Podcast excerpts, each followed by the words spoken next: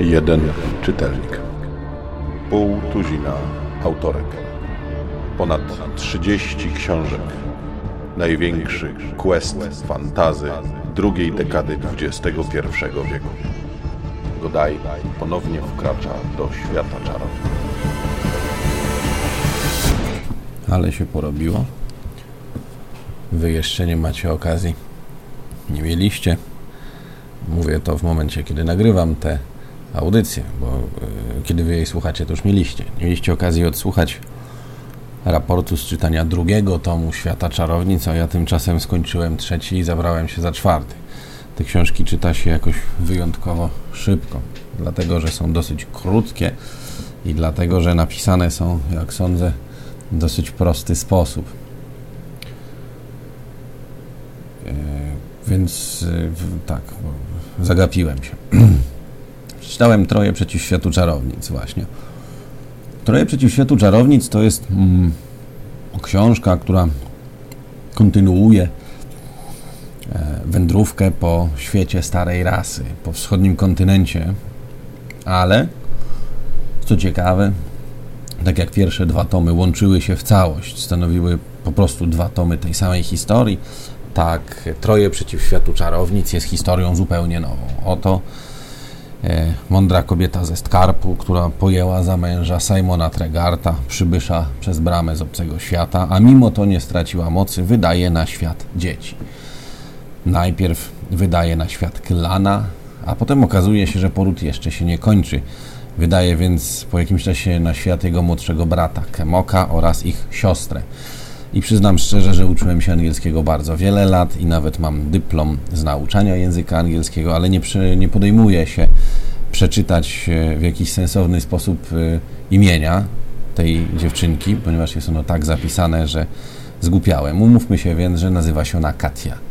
Jej matka też e, ma imię zapisane w taki sposób, żeby było zgodnie z prawidłami najgorszego fantazy, ale jakoś było mi łatwiej. A więc Kylan którego matka naznacza na wojownika, Kemok, którego matka naznacza na mędrca oraz Katia, którą matka naznacza na czarodziejkę, dorastają w Westkarpie, ogarniętym wojną z Karstenem.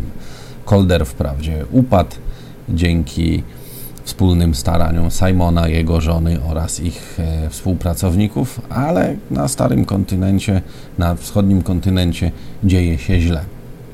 Czarownice więc postanawiają dokonać tak zwanego wielkiego poruszenia, przewrócić do góry nogami góry na południu, aby pogrzebać armię Karstenu.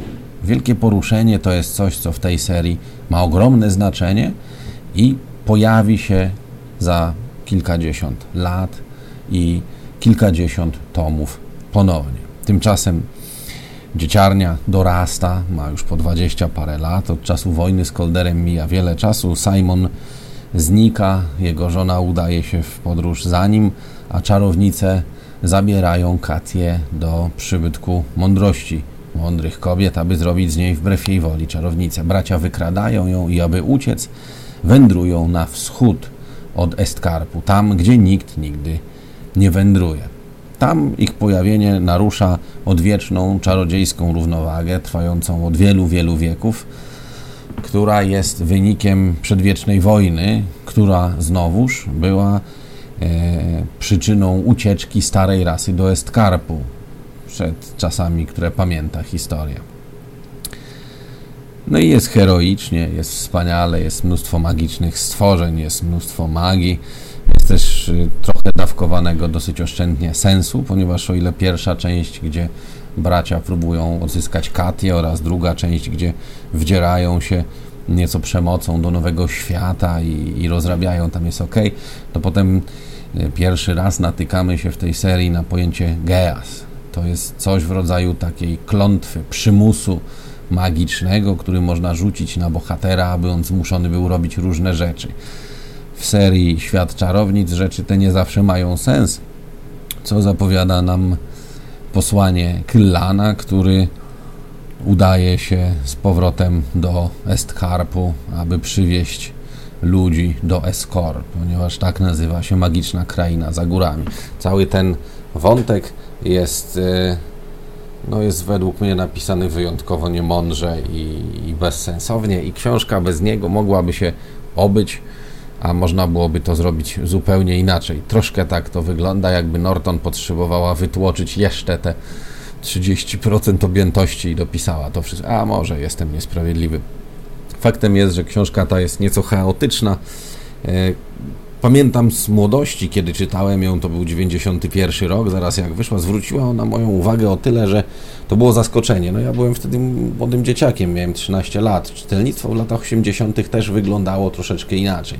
Nie mieliśmy takiego dostępu do rzeczy z zachodu, e, jak teraz. Fantastyka owszem wychodziła, ale raczej były to rzeczy mniej popularne, a fan, ten, no, mniej, powiedzmy, mniej zamotałem się. Wychodziło mniej fantastyki niż teraz, dużo mniej.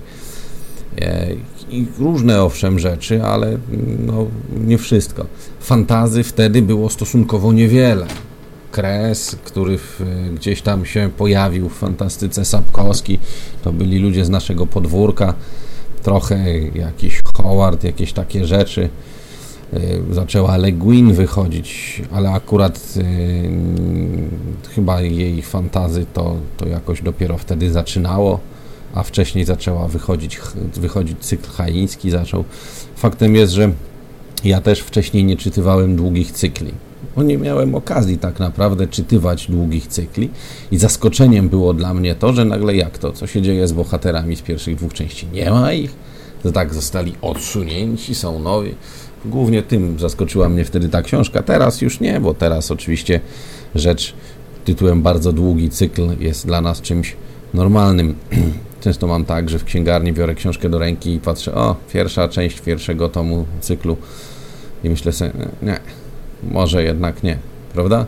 Gdzieś chciałem powiedzieć, że szkoda mi czasu na czytanie cykli, ale cała ta e, inicjatywa, cały ten quest, który właśnie teraz ciągnę, e, przeczy temu stwierdzeniu, więc nie będę robił z siebie idioty. Szkoda mi czasu na zaczynanie nowych cykli. Faktem jest, że książka jest e, cóż bardziej chaotyczna trochę od dwóch poprzednich części i zapowiada gdzieś tam nam cały podcykl w ramach Estkarpu, który nie dzieje się w Estkarpie i którego bohaterami są dzieci Tregarda, E, kolejną częścią jest czarodziej ze świata czarownic, a potem jest także czarodziejka ze świata czarownic. O ile dobrze sobie przypominam pewne wątki, w Eskor kontynuowane są także w czarodziejskich mieczach, a sama kraina potem gdzieś tam też jest jeszcze, e, pojawia się chyba w bramie kota. Dojdę do tego, jeżeli starczy mi zacięcia.